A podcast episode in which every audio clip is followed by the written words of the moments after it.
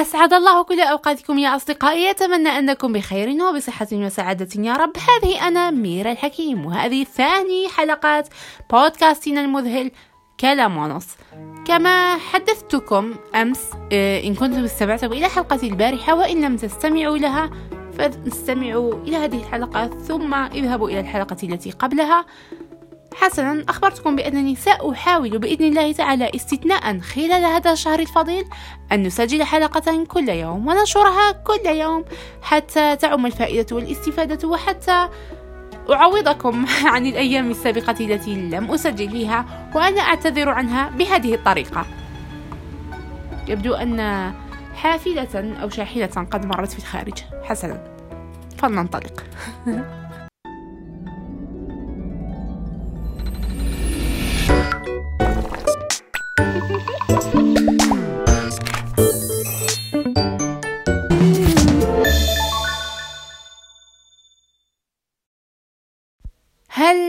علينا أن نتبع أجدادنا وآباءنا شبرا بشبر وذراعا بذراع؟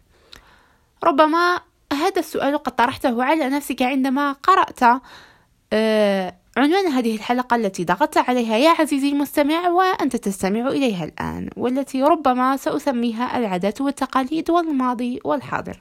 لم أرتكز على العنوان بعد لذا دعونا نتابع. إذا لم تطرح على نفسك هذا السؤال فهذا السؤال هو الذي طرحته على نفسي وأنا أحضر لهذه الحلقة. هل علينا أن نتبع أجدادنا وآباءنا شبرا بشبر وذراعا بذراع؟ أي كما مضوا نمضي كما فعلوا نفعل كما نموا هم ننمو نحن نتبعهم لا نخالفهم في شيء ما؟ حسن يا أصدقائي في الحقيقة والواجب علينا أن نستمع جميعنا لوجهة نظر الجميع أعتقد أن من يتعصب لإحدى الجانبين مما قد سبق ذكره أي إما أن يتبع الآباء والأجداد كما قالوا مثل ما قالوا ولا يحيد شبرا واحدا عن ذلك وإما أن يتمرد ويحمل آه، كل الضغينة وكل الحقد لما مضى وما سبق أو ربما سيتوسط ويقول مثل ما يقال هنا في الجزائر المثل الذي يقال الذي يقول آه اللي جديد آه حبه واللي قديم ما تفرجش فيه. لكن دعونا نتناقش بروية هنا. أولا من الجميل يا أعزائي أن نحتفظ بأصالتنا بأخلاقنا وشيمنا لكن الأجمل من ذلك هو أن نتخير من ماضينا ما يوائم قدراتنا واقعنا منطقنا. ولا أريد أن أحصر الأمر بموضوع أو بمثال واحد ولكن لنأخذ على سبيل الذكر لا الحصر. تجهيزات العرائس مثلا بين ما كان وبين ما يجب أن يكون ما عاد يا أصدقائي أحد لنكن صرحاء مع بعضنا بعضا. ما عاد أحد منا يملك الوقت أو المال اللازم لابتياع آه، ما تعود الناس عليه من تجهيزات باهظة الثمن وما إلى هنالك. ولعل إحداهن الآن تستمع إلى هذه الحلقة مع جدتها أو أمها وقد تنتمس للتو حانقة. وهل في ذلك نقاش؟ كلا وألف كلا. يجب أن يشترى كل شيء كما اعتدنا عليه. حسنا يا أصدقائي أنتم الذين تضعون قيودا أو فروضا لا أساس لها من الصحة حتى تكون الزفة كاملة أي زفة العروس كاملة حسب ما تعتقدون.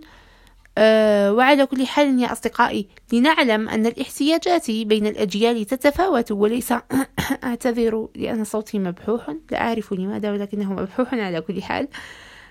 الاحتياجات بين الأجيال تتفاوت وليس لجيل أن يفرض ما اعتاد عليه على الجيل اللاحق حتى يقلده وإلا سيرميه الجيل القديم سيرمي الجيل الحديث بسيل من الاتهامات التي ستطال لا محالة كرامة أي أحد غير قادر على أداء ما كان يؤدى. ثانيا يا أصدقائي لا أزال مبحوحة يا أصدقائي أعتذر. حسنا ثانيا من المشين أن يلتجئ أفراد من المجتمع إلى نشر أفكارهم المسمومة هنا وهناك وجعل الدين وفرائضه عادة وتقاليد. فالدين يا أصدقائي كالإسلام ليس حكرا على أحد دون أحد وهو ليس ملكا لأحد على أحد وهو أيضا أي الإسلام ليس لجيل دون جيل آخر. إنه شيء لا ولن يموت. الحجاب الصوم الصدق الحج كل هذه الفرائض وغيرها هي أمر من الخالق وليس من الخلق. ليس لأحد أن ينكرها وليس لأحد أن يعلقها في خزانة العادات والتقاليد بحجة أنها أفكار حجرية قديمة. أكل عليها الدهر وشرب بل عقله هو الذي أكل عليه الدهر وشرب. فإذا كان هناك شيء واحد حجري فهو تفكير هذا الإنسان الذي يقول بهذا الكلام. وهو إثبات منه بأنه خائر القوى آه، كسول بما يكفي لأن يبقي دماغه مغلقا أمام أي بحث. وهذا بحجة الانفتاح مثلا. وهذا أمر تحدثنا عنه في الحلقة الماضية. ترى أين هو الانفتاح؟ أنا لا أراه. لنكن واضحين. لأن المنفتح الحقيقي هو الذي إذا ما وصله شيء من أسلافه نظر إليه بعين وازنة هي عين العقل. ليميز بها ما كان زبدا فيذهب جفاء كتلك العادات التي لا معنى لها ويدرك بها ما يمكث في الأرض من ديننا ومن آه، أفكار آه، صحيح أنها حدثت في الماضي ولكنها آه، خطة لما بعد الحاضر أي للمستقبل وما إلى هنالك. دين الإسلام مثلا أو الحجاب الذي أمر به الله تعالى في دين الإسلام وفي غيره من الأديان لنكن واضحين فسترة المرأة مثلا جاءت في كل الأديان لنكن واضحين في هذه النقطة.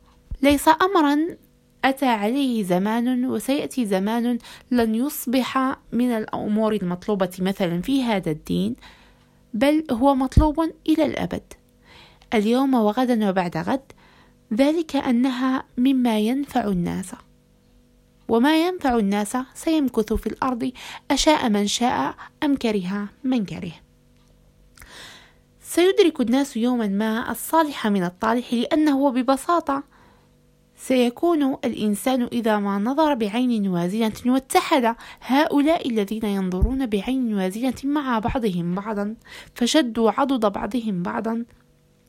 سيصبحون أسياد قرارهم أسياد ما سيعيشونه مستقبلا بناء على ما وصلوه اليوم.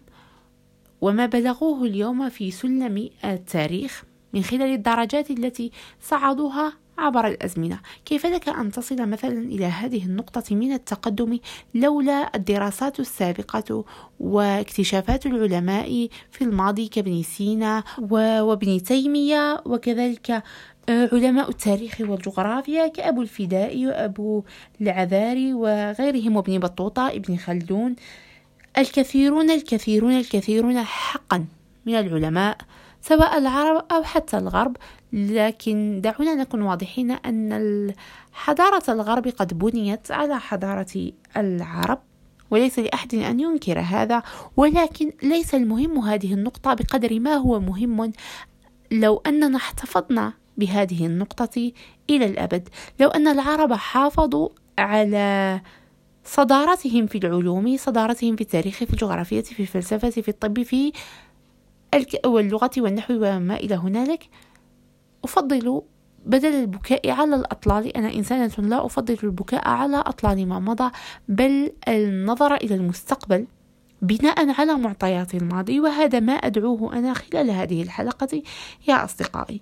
وفي ختام هذه الحلقة جميل منا أن نحتفي بما مضى بما سبق ولكن نكون متزنين بعين العقل فنختار أو نتخير ما آه، يوائم ظروفنا من الماضي ويوائم منطقنا وعقلنا وقلبنا وديننا فنحتفي به من الماضي ونحتفظ به لم لا ولكن يجب علينا النظر إلى حاضرنا وإلى مستقبلنا ومستقبل الأجيال القادمة فلا نظل نبكي الأطلال على ما سبق وإنما أن نحاول تطوير أنفسنا ونسعى لذلك آه، قدر ما استطعنا من أجل إعمار هذه الأرض كما سبق وقلت في سابق الحلقات. لأن هذه هي مهمتنا وحتى نسلم هذه الأرض للأجيال القادمة بخير ما يكون. والسلام عليكم ورحمة الله تعالى وبركاته. أتمنى أنكم استمتعتم بهذه الحلقة. ألقاكم في حلقة قادمة يا أصدقائي. أنا ميرا الحكيم وهذا بودكاست كلام ونص. لا تنسوا متابعتي على مختلف مواقع التواصل.